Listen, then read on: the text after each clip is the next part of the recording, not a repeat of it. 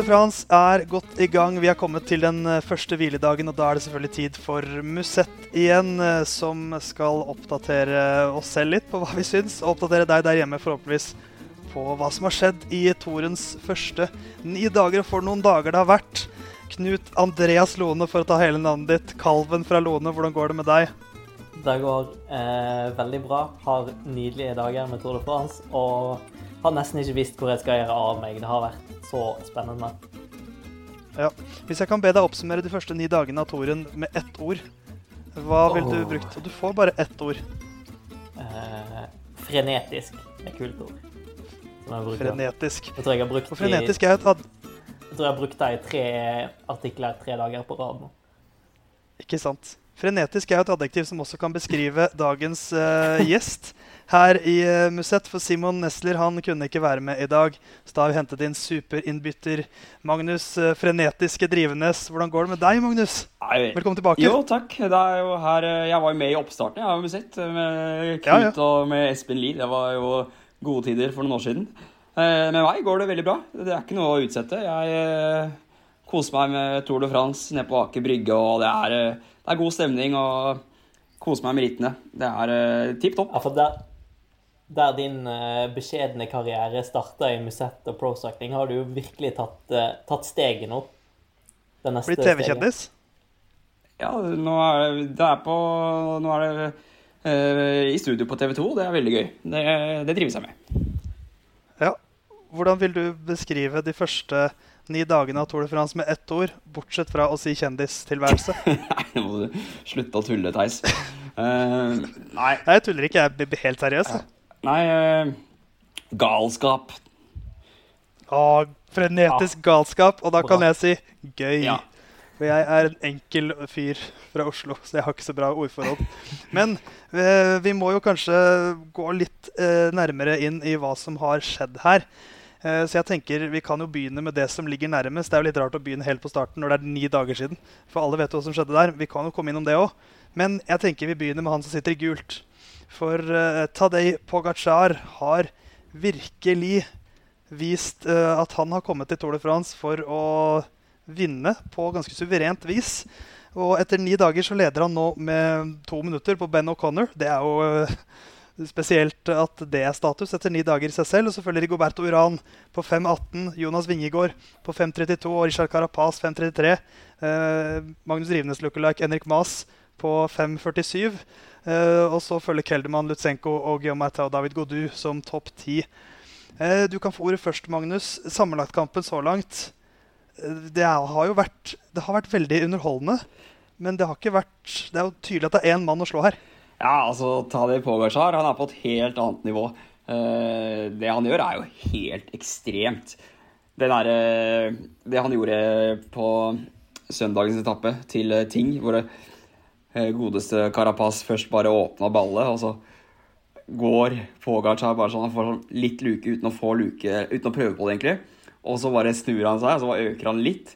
Og så er det bare ingen som er i nærheten. eller Liksom, gidder å prøve engang, for han er på et så Ja, han er på et helt annet nivå, da. Så Tadej Pogacar han uh, imponerer veldig. Uh, det er det ingen tvil om. Og så er det utrolig synd da, at han ikke får noe ja, kamp da, av Primoz Roglic. Han er vel den eneste fort som kunne vært i stand til å utfordre Pogacar. Enig, Knut. Eller for det, for det, jeg vil da spørre deg om, Knut, er denne etappen på søndag Er det det at de ikke klarer å følge han da? Eller er det det at de har så enorm respekt og frykt for han etter lørdagens etappe at de ikke prøver engang, for de vet at da må de betale for det? Og så fokuserer de heller på hverandre. Jeg tror at de ikke klarer å følge han. Jeg tror søndagens etappe var litt mer tilbake til normalen, da. At uh, lørdag ja. kanskje var et ekstremtilfelle. Der spilte Nå var det selvfølgelig regn begge dager, da. Men det er mulig det er flere faktorer som spilte eh, ga utslag i positiv retning på Gachar på lørdag, da, type regn og sånt. Og virka som Karapaz gikk på en ordentlig smell der. Og at i dag var litt mer tilbake til normalen. Uh, og så så jeg jo på Twitter at det var mange som stussa veldig når Ineos tok føringa der uh, og begynte å kjøre. Men uh, nå er det jo utvikla seg sånn at Ineos må jo kjøre et ritt for å ta andreplassen her. Så det er ikke nødvendigvis sånn at bare fordi de tar ansvar, så skal de angripe Pogacar, men de må jo faktisk angripe konkurrentene rundt seg. Hvis du tar typ Uran, da, så er jo han en bedre temporitter enn Carapaz er. Så de er jo faktisk nødt til å få litt tid på Uran før den siste tempoen, selv om det er lenge til den. Ja, For du tror de allerede har begynt å tenke andreplass etter ni etapper? Du er du er gutsy hvis du fortsatt går for første, førsteplass her, i hvert fall. Eh, selvfølgelig, de har nok ambisjoner om å legge press på Pogacar, men det er nok eh, med to tanker i hodet de kjører nå. Eh, og i dag var nok ikke etappen å ta Pogacar på, men skal de gjøre det utover i rittet, så de kan ikke vente til siste stigning. De er nødt til å gi flat pedal fra starten av.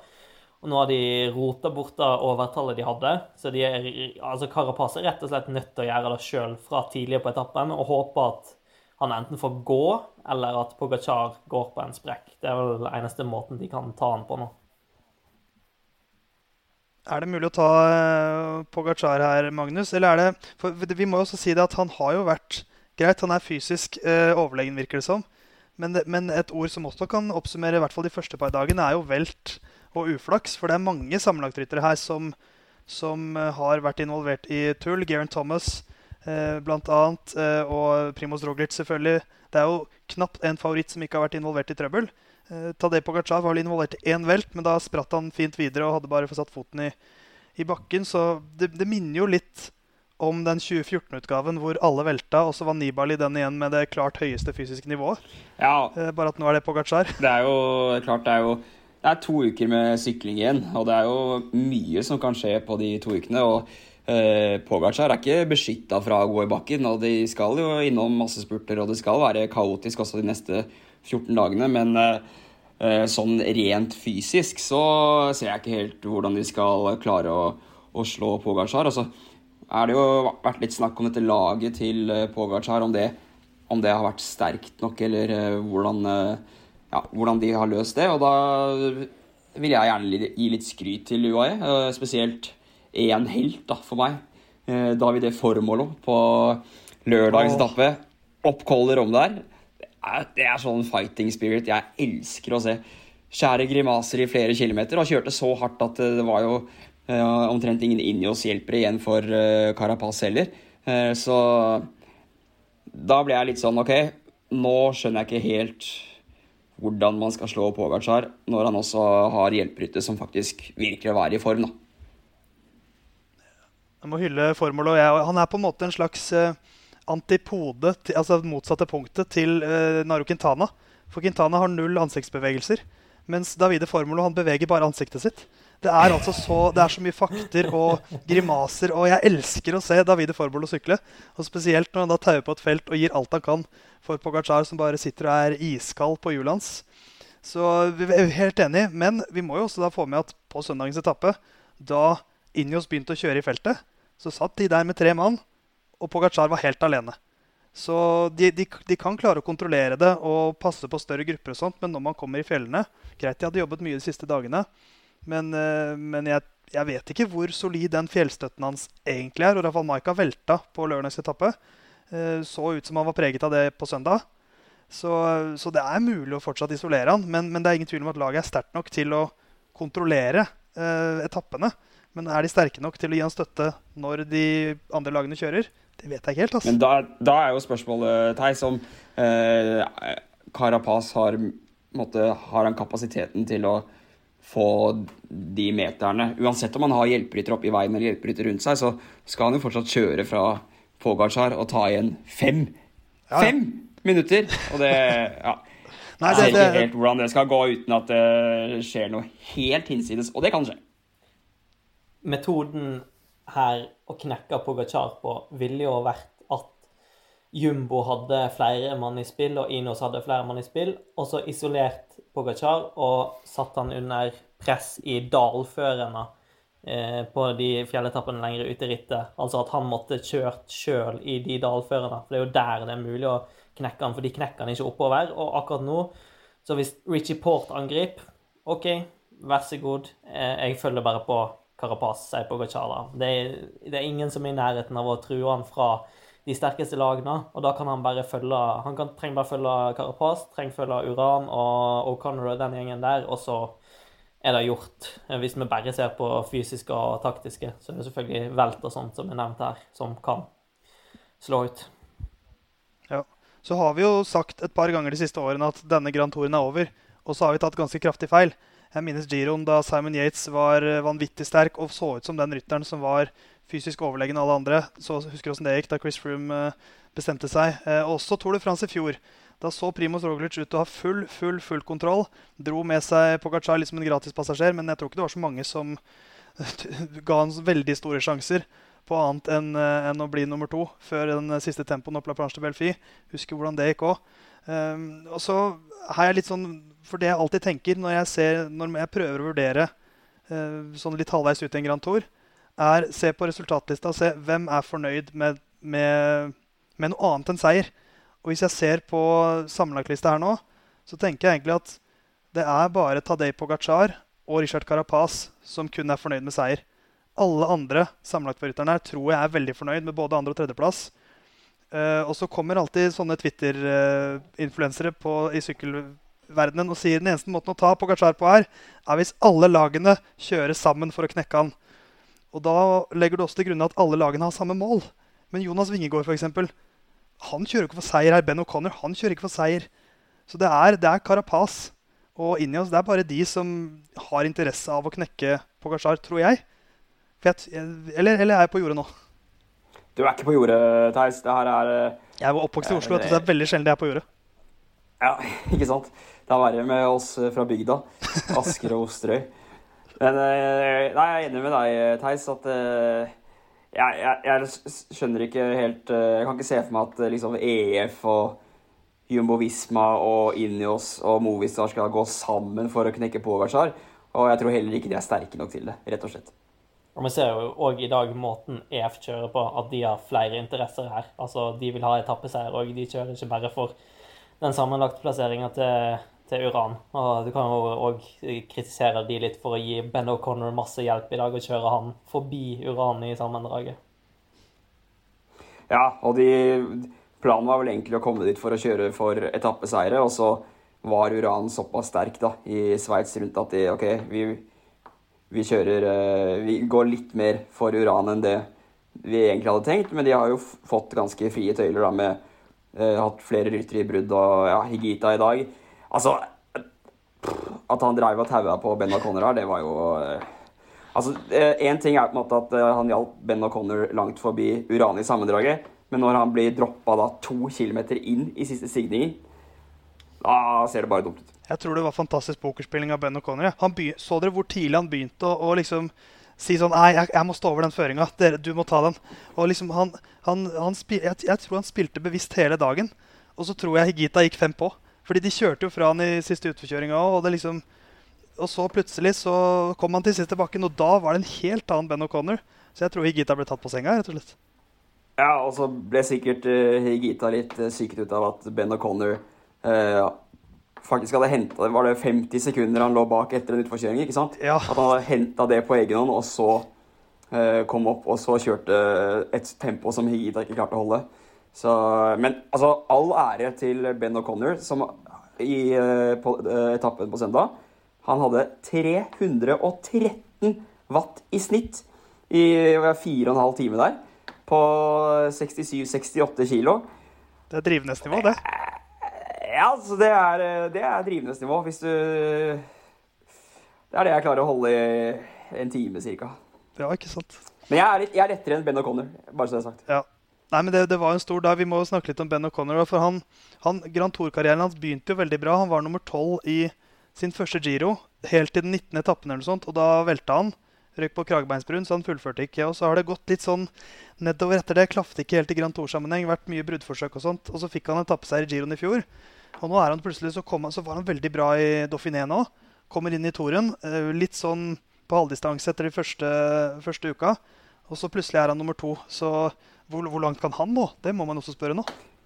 Ja, og Vi som er uh, ekte sykkelfans, uh, vi, uh, er det én ting vi liker, så er det å være litt sånn hipstere. ja, vi elsker og nå skal jeg benytte anledningen til å være litt sånn hipster.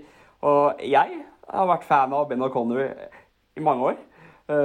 Fordi han var og kjørte noe sånt der Han kjørte Du vet det, der, det gaterittet som er før Tour, Tour Down Under? Ja. Det året han var førsteårsproff der, så lå han i sånn solobrudd og sånt. Altså, jeg syns, han var litt kul da, ikke sant? Så da begynte jeg å følge han på Strava. Har liksom fulgt han siden da, i de siste tre-fire årene. Så jeg, har jo vært med han i tykt og tynt. da. Ja. Og jeg er selvfølgelig ikke overraska over de stegene han har tatt. Nå var jeg sikker på at etter du sa han lå i brudd i People's Choice Classic, heter det vel, så sendte du han en melding på Facebook, for da hadde jo du for vane å gjøre en gang i tida. ja, det, det, ble en del meldinger til diverse perifere ryttere på Facebook. Uh, for en del år tilbake. Det, men uh, Ben O'Connor var da ikke en av dem. Men hadde du ikke Napolitano på Skype eller annet sånt? Danilo Napolitano, ja. Han hadde jeg på Skype. Uh, for de som ikke husker eh, Danilo Napolitano, så var det jo han, han uh, spurteren som var i Lampre og Katusha og til slutt de vant i Gobert. Og han, Jeg hadde han på Facebook, ikke sant? og så hadde, var det sånn funksjon på Skype hvor du kunne legge til, legge til folk på alle vennene dine på Facebook på Skype. da. Da hadde jeg Napolitano. Han var ofte pålogga. Brukte jeg Translate og prata litt med han. Og så hendte at jeg ringte han, og en gang så hadde jeg Jeg var 16 år på det tidspunktet her. Hadde to venninner på besøk. Så det var innafor? Hjemme, hæ? Jeg glemte det. Nei. hadde to venninner på besøk da, hjemme, hjemme på Billingstad i Asker. Uh, vi ringte Napolitano. Og han ble altså så interessert i disse to uh, jentene. Drev, da begynte han å sende meg meldinger og sånt, ikke sant? Nei, det var helt spinnvilt. Nå er ikke Danilo Napolitano her til å forsvare seg, så jeg får si at han sikkert benekter alt som har skjedd. Men jeg kan si at han var en bra spurter på Project Manager. Ja, ja, altså, 80-84 tror jeg han hadde i sprint og acceleration på ja, sitt beste der. Ja, men han hadde under 70 på alt annet, så ja, han var ganske det... dugelig.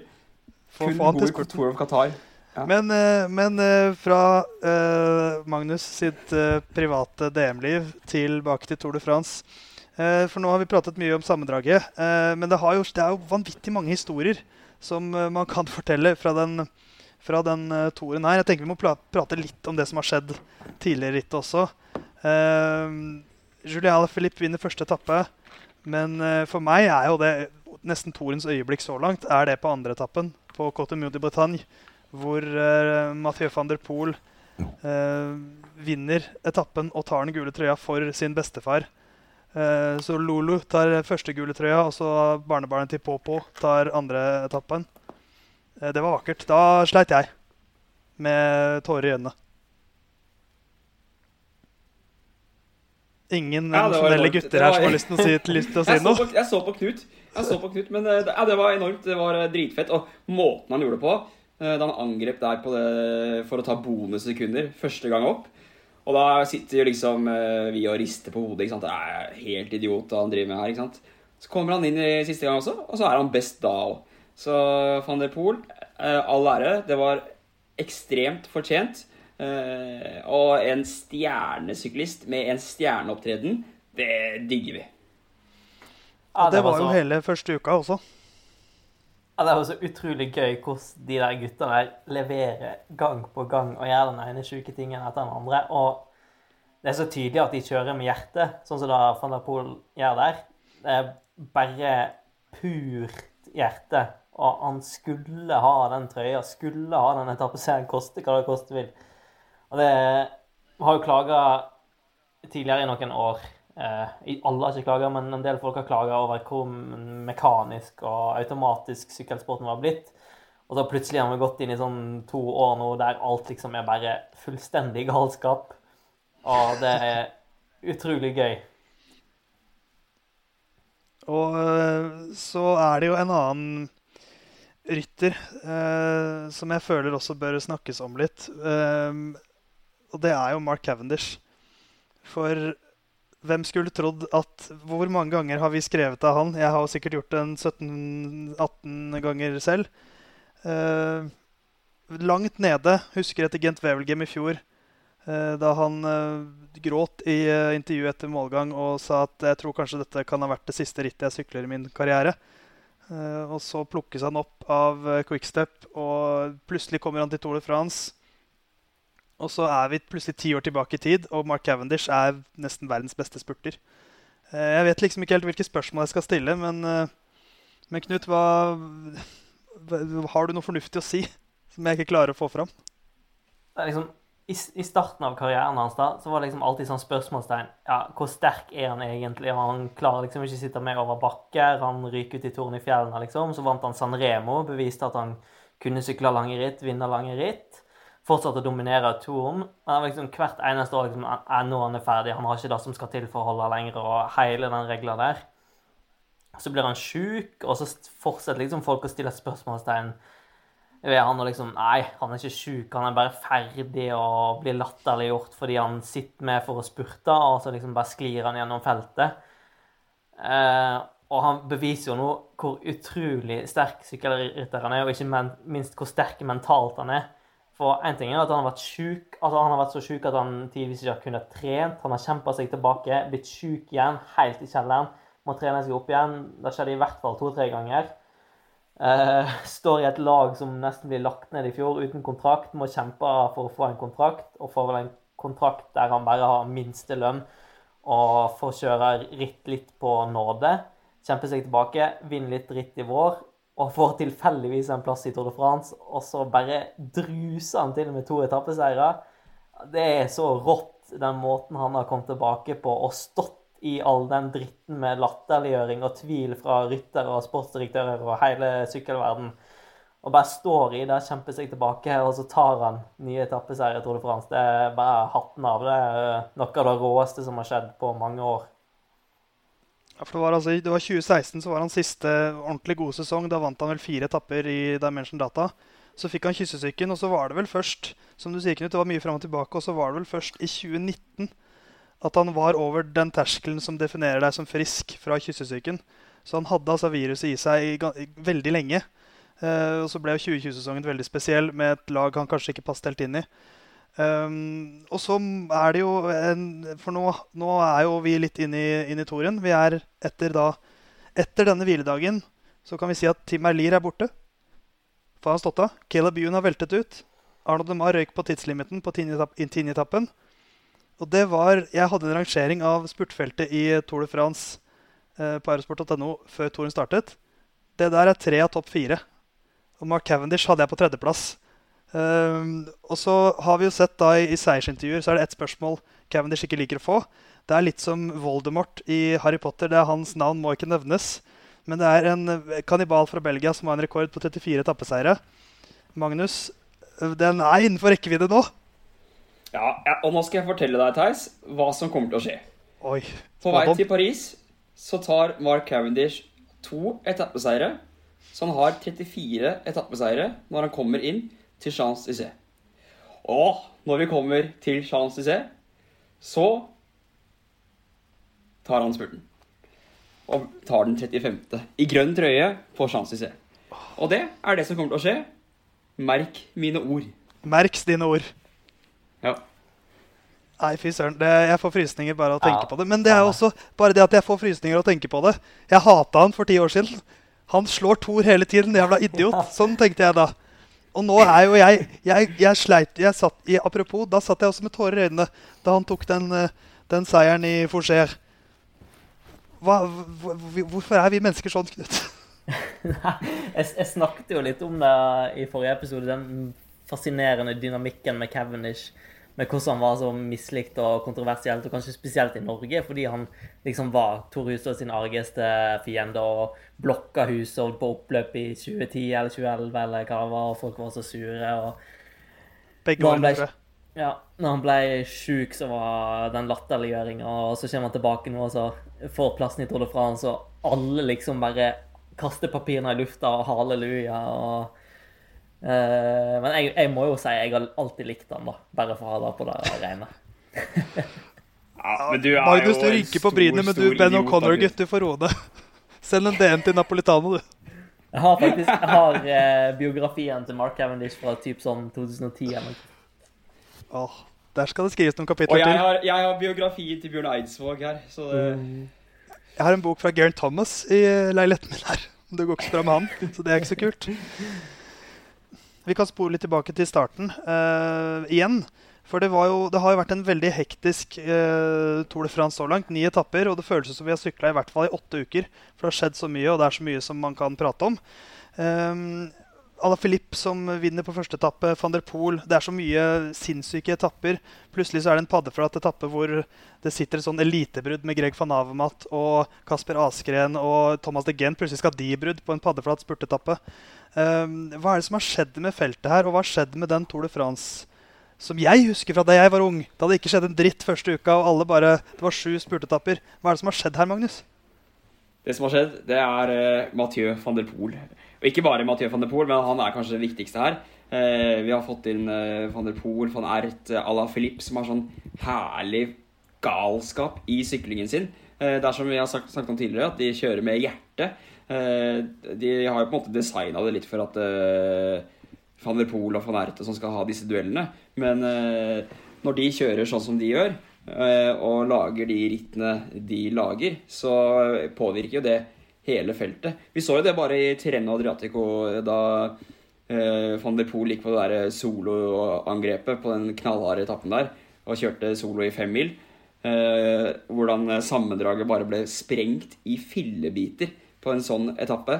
Eh, og jeg hadde jo kanskje håpet at eh, f.eks. på den eh, fredagsetappe, da, hvor det var 250 km og noe tøffe bakk på slutten, at la oss si at feltet kommer samlet inn der. Van de Poel, van Ert, første, øh, første bakke der. Få med seg Ala Flip, kanskje en Pogacar. Altså, at det bare blir helt mayhem, da. Men det har jo vært nok mayhem i første uka som det har vært. Og så har det jo vært det der med, med løypa, at det har vært litt sånn De starter i Bretagne. Det er 180 gærne mannfolk som alle har fått beskjed på øret om at de skal sitte først inn i de kritiske partiene. Uh, og det er jo kanskje en annen diskusjon, da. Jeg tenker jo at nå kan du jo kanskje ikke ha sånne løyper som du har i år hvert år. For Det handler jo om hvem som søker på å være startbegjær og grande part, og hvor mye penger og sånt som blir lagt i potten. Men jeg tenker at den miksen med etapper de har hatt, har jo gjort mye til at det har blitt som det har blitt. For du har de to etappene i starten, som er veldig hektiske, har bakkeavslutninger som setter eh, sammendraget på et vis. Så har du to flate spurtetapper. Eh, den ene spurtetappen blir jo helt kokos pga. den er så teknisk avslutning på. Eh, så kan vi jo diskutere hvorvidt det var greit eller ikke. Men så får du den tempoen på femte etappe igjen som setter sammendraget på nytt. Det er folk som havner bakpå. Og så kommer vi inn i den helga vi har hatt nå med tre knallharde etapper. To i Alpene og så den kjempelange etappen som ble et fyrverkeri, til tross for at den var 250 km. Eh, så jeg tenker at den miksen de har satt opp, og liksom den eh, dynamikken de har skapt på den måten, har jo mye å si her. Samtidig som at eh, koko-ryttere selvfølgelig gjør sitt til å skape eh, prege rittet. Ja, for det, det, har jo vært eh, for Vi kan jo ta litt den praten også om kritikk av løypa. For det har vært det haglet jo eh, rundt kritikk av, av, løypa, spesielt etter den tredje etappen som Tim Eilir vant. Eh, da var det vel fire velt. Én eh, stor og litt flere små. Eh, og så er det jo folk som har sagt de, de, de kan ikke ha en sånn start på en løype. Man bør begynne med en prolog, for da får du satt sammendraget, og så har du et lag som tar styringa. Men da er du tilbake til en sånn Tour de France som det var før, hvor ting er veldig satt, og det skjer ingenting i starten. fordi det er bare én rytter som kan ha den gule trøya. Og det, det, er, eh, det er, veldig få ryttere da, som realistisk sett kan ta den over. Eh, så da er jeg litt sånn usikker. OK, vi får en fantastisk start. Samtidig så kritiserer de samme folka som hyller den fantastiske starten, så kritiserer de toren for å ha en løype som man vet gir en fantastisk start. Og så sitter jeg også og ser på den etappen på på, på etappe tre hvor det er fire velt. Og hvis du, hvis du, ser på hver enkelt velt, så er det tre velt som er 100% rytterfeil, som er sånt som skjer.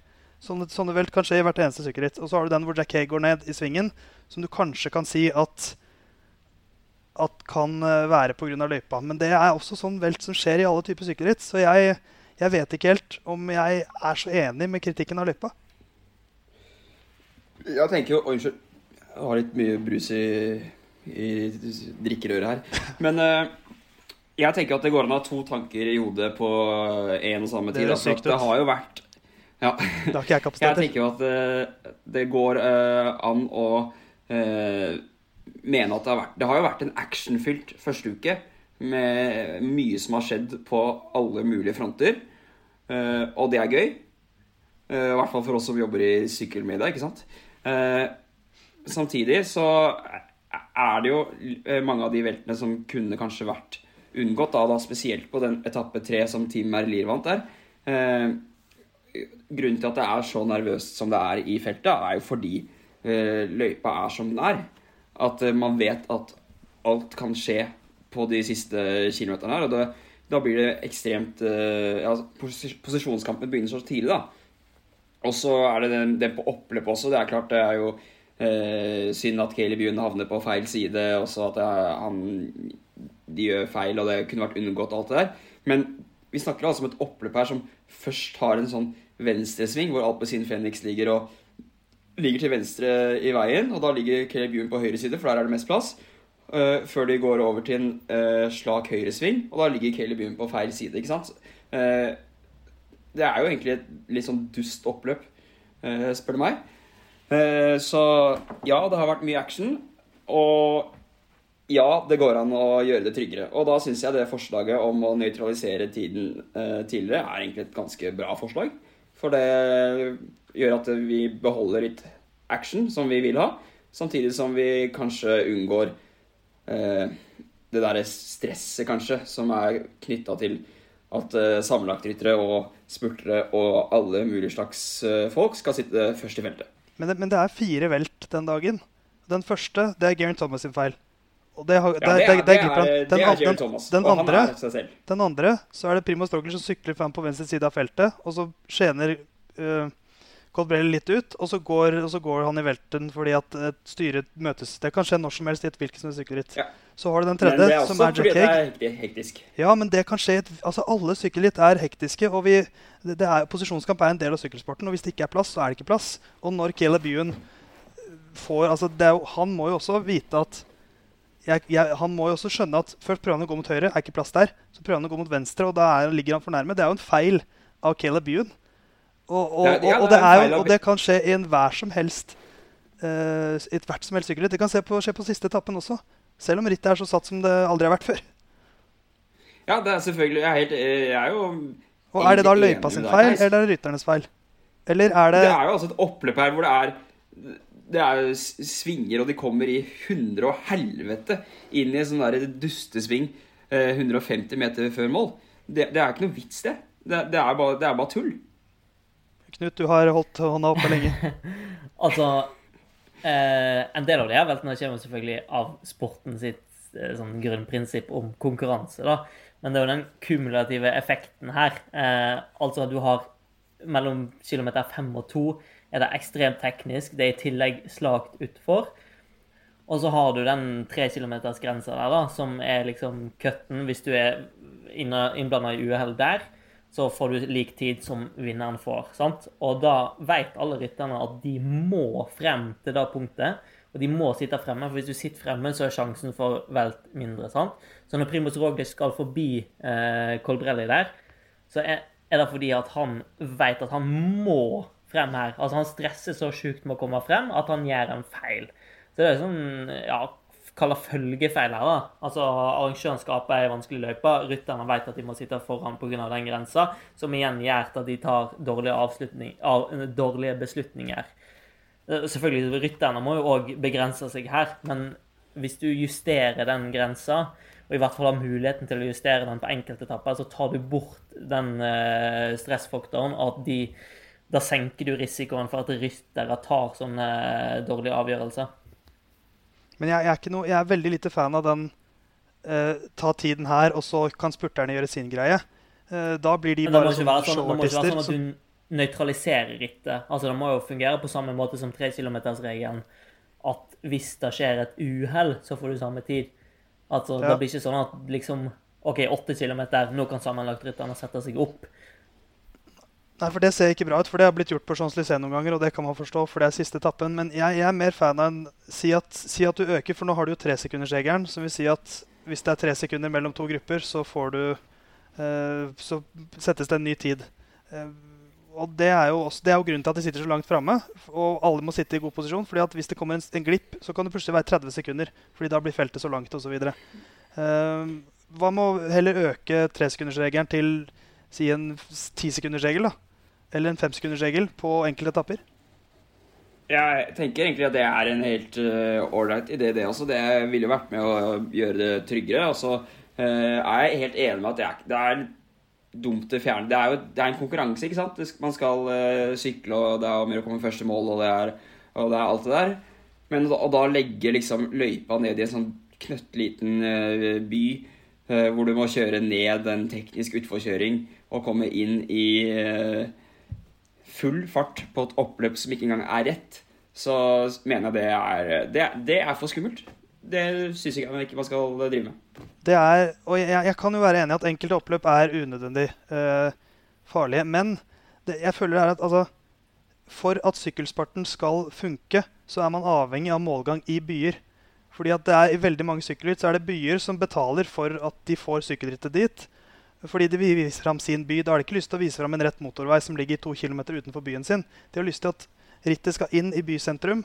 Fordi det er det som er verdien for veldig mye sykkelsport, av sykkelsporten. er jo at det skal vise fram byen. Så du må ha sykkelritt inn i byene. By, sykkelritt går fra byer til byer. For det er, det er sykkelsporten egentlig avhengig av å gjøre for å fungere. Så man må jo inn i byene, og byene blir mer og mer sykkelvennlige, men ikke sykkelrittvennlige.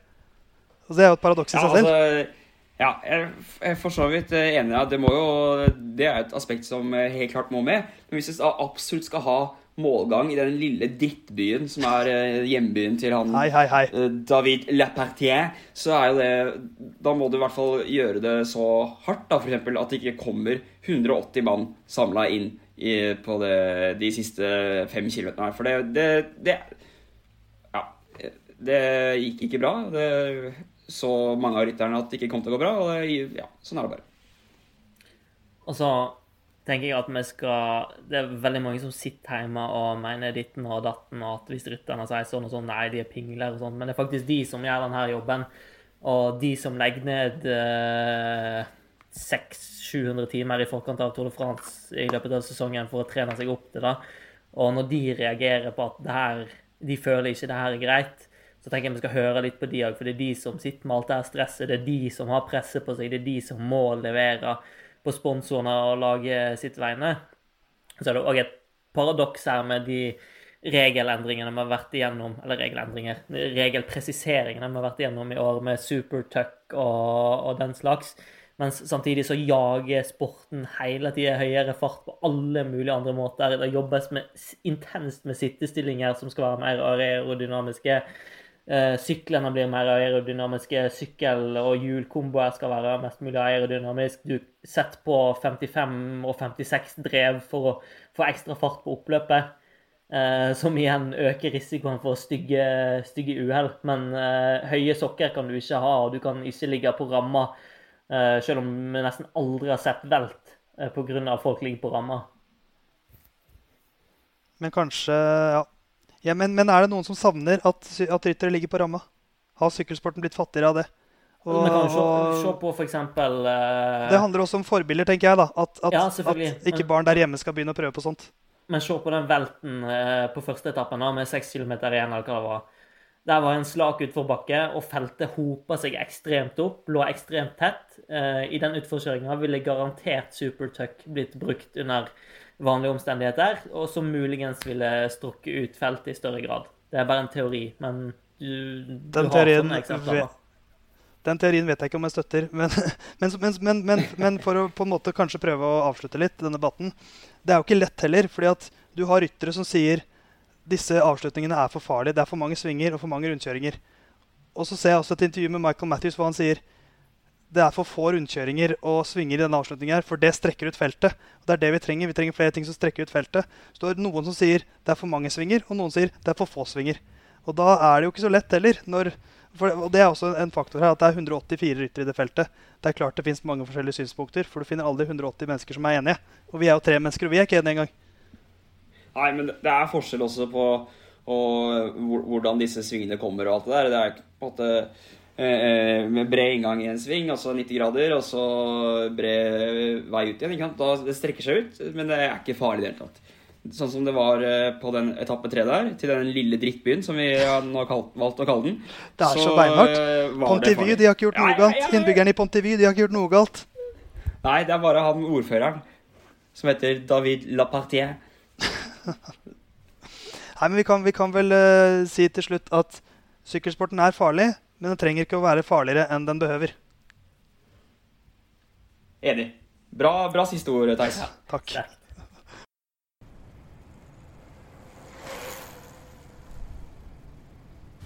Hei! Adrian og Stien i Bioracer Norge her. Vi i Bioracer vet at det er mange av Musets lyttere som også liker å sykle. Og da burde du høre etter nå.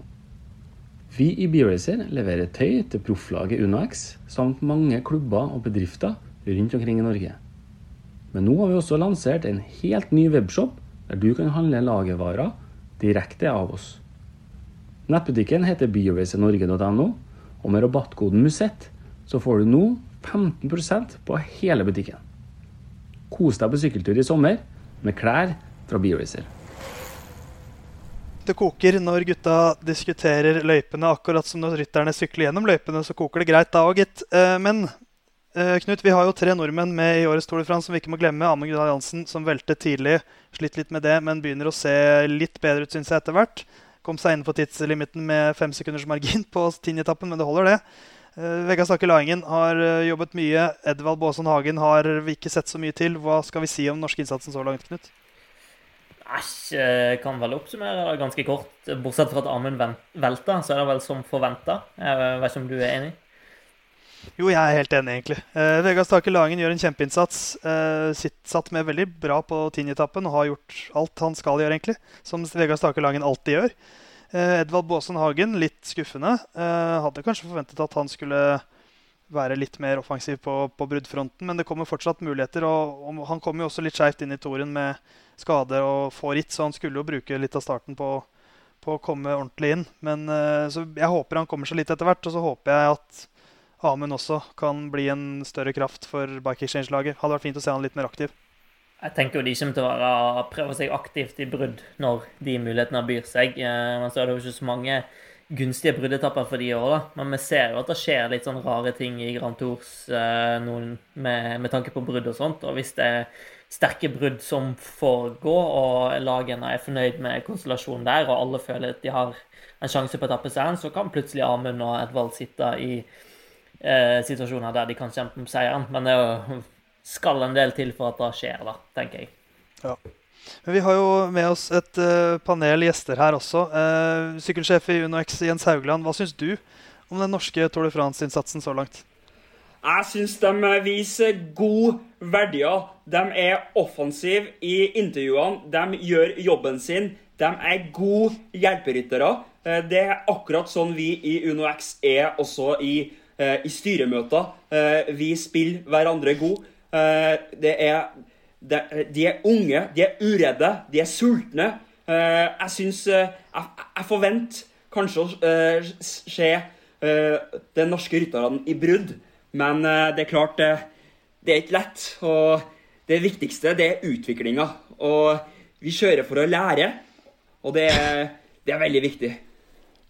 Men, eh, men, Jens, hvis du skulle sammenlignet de norske rytterne i Tour de France med et eh, rovdyr, hvilket dyr ville du valgt? Ulver. ikke sant. Um, det er jo en nordmann vi gjerne skulle hatt i, i Tour de France. Det er Alexander Kristoff, og du er med oss her. Uh, nå er jo både, altså, Det er ganske mange toppsporterne her ute av Tour de France. Uh, tror du du kunne gjort det bra i spurten i Toren, de siste to tredjedelene her nå, Alexander Kristoff? Ja, det er klart at det, På de første, uh, første, dagene så er det jo alltid hektisk, og det, det, er klart at det, da, da, da, da, blir det litt vanskelig. Men uh, det er klart at når de er uh, Jun, gutta der, Merrier, de er, de er ute av rittet. Og da, da, da åpner seg selvfølgelig muligheter for meg, og det, det, er klart at det, da, det, da, hadde det vært gøy. Men det er fint her hjemme med Maren og, og ungene, Liam, Leo eh, osv. Og, og ja, begynner å bli en del av dem. Eh, men det er klart at eh, må bare kjøre på. Det kom et VM. Passer, meg veldig bra. Jeg, jeg, jeg heier på, på, på, på gutta i UAE. Det er klart at det, Pogacar han, han, er, han er ung og han, han, er, han er aktiv, liksom, så det er klart at det, det er kult å se. så... Hvordan er vatten din for tida, da, Aleksander? Eh, jeg er Vatten, Vatten har aldri vært bedre. Eh, jeg er veldig bra form på trening og spurtene. Eh, kjøre, kjøre Big VS bak, bak stein. Eh, og det er klart at det bikker jo, bikker, bikker, bikker 1500 watt, og det, det, er det, det er det som må til. Jeg tror det var uh, solide wattverdier også på Sonny Colbrelli på Tinje-etappen. Han har jo gjort det bra. Uh, ikke så veldig bra i spurtene, men imponerer med sin kjørestyrke. Og vi har med oss uh, hans lagkamerat der, som også vant en etappe selv. Dylan Tøynes, hva syns du om at Sonny Colbrelli blir nummer tre på Tinje-etappen med 4500 høydemeter? Sonny Colbrelli. He's uh, super, super strong. And I, I was in the breakaway with him. and he was like super super strong and in the rain he's like he's super strong and i i i tried to help him but he just ran right past me. And i i'm really really happy uh, for him. We go for for green and that's the uh, green and stay wins. Så det blir interessant å følge Bahrain Victorious videre. De har hatt en veldig god eh, Grand Tour så langt. Eh, men det ble ikke så bra for Jack Haig, som røyk ut. Så, og sammendraget og kampen om podi er jo ganske åpen, så da lurer jeg på Theis Magelsen. Eh, hvem tror du blir nummer to i årets Tour de France? For jeg regner med at du tror Tadej Pogacar blir nummer én. Eh, det er klart at uh, Tadej Pogacar han er nok den uh, store favoritten her.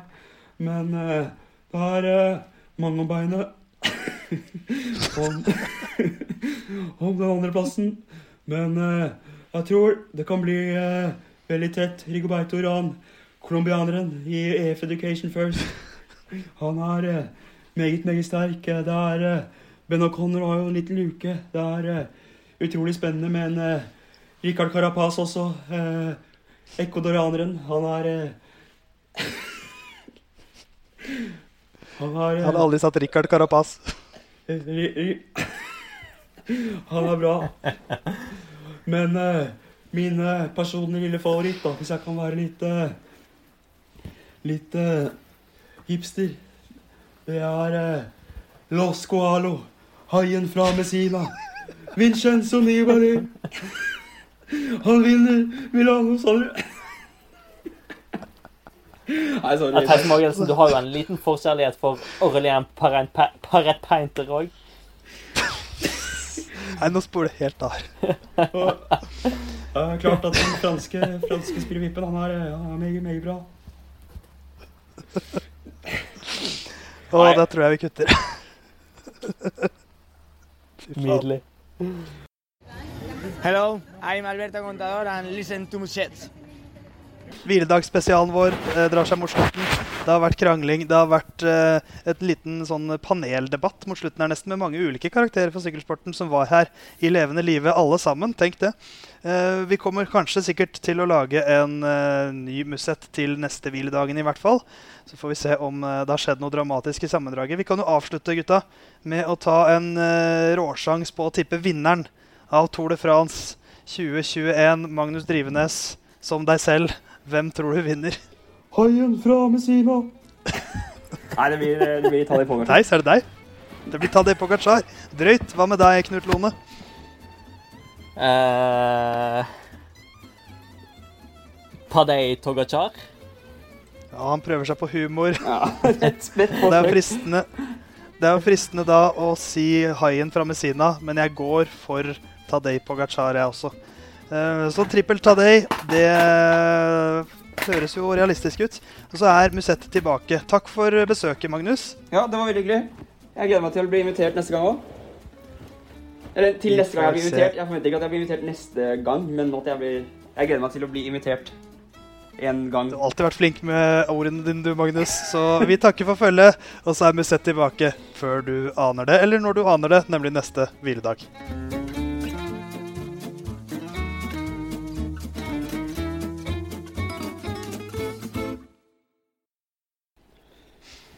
Da trykker jeg på stopp, ikke yes. sant?